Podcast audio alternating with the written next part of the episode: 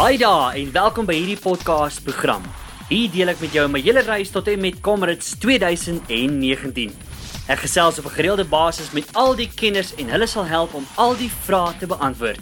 Alles van die korrekte voeding, wat is sportmasserings, belangrikheid van kragwerk, wat se skoene jy mee moet hardloop en hoekom 'n oefenprogram van kardinale belang is. Vrae soos hierdie en vele meer sal hier beantwoord word. My naam is Ruben Delmage en hierdie is Klappe Toon. So vandag kuier ek by SEMLU en dit staan vir Sport Exercise Medicine and Lifestyle Institute hier by Tuxa Sportgronde in Pretoria en baie meer spesifiek by die HPC, die High Performance Centre. En uh, gesels 'n bietjie meer met strength and conditioning coach Devlin Eden om ons meer te vertel. So, coach, let's start off with the first question. I mean, training for an ultra marathon, a marathon, or long distance, even the comrades, surely if I just run, that should be enough.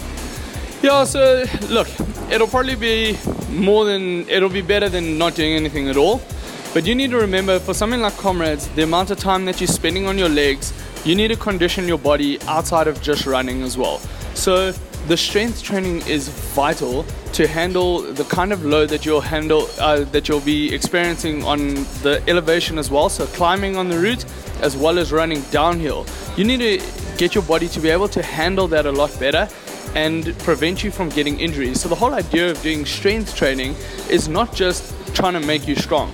We're also trying to make sure that you're not picking up niggles and picking up injuries along the way, and it allows your body to prepare itself to be able to handle the higher training load and higher running loads that you'll be taking on as well.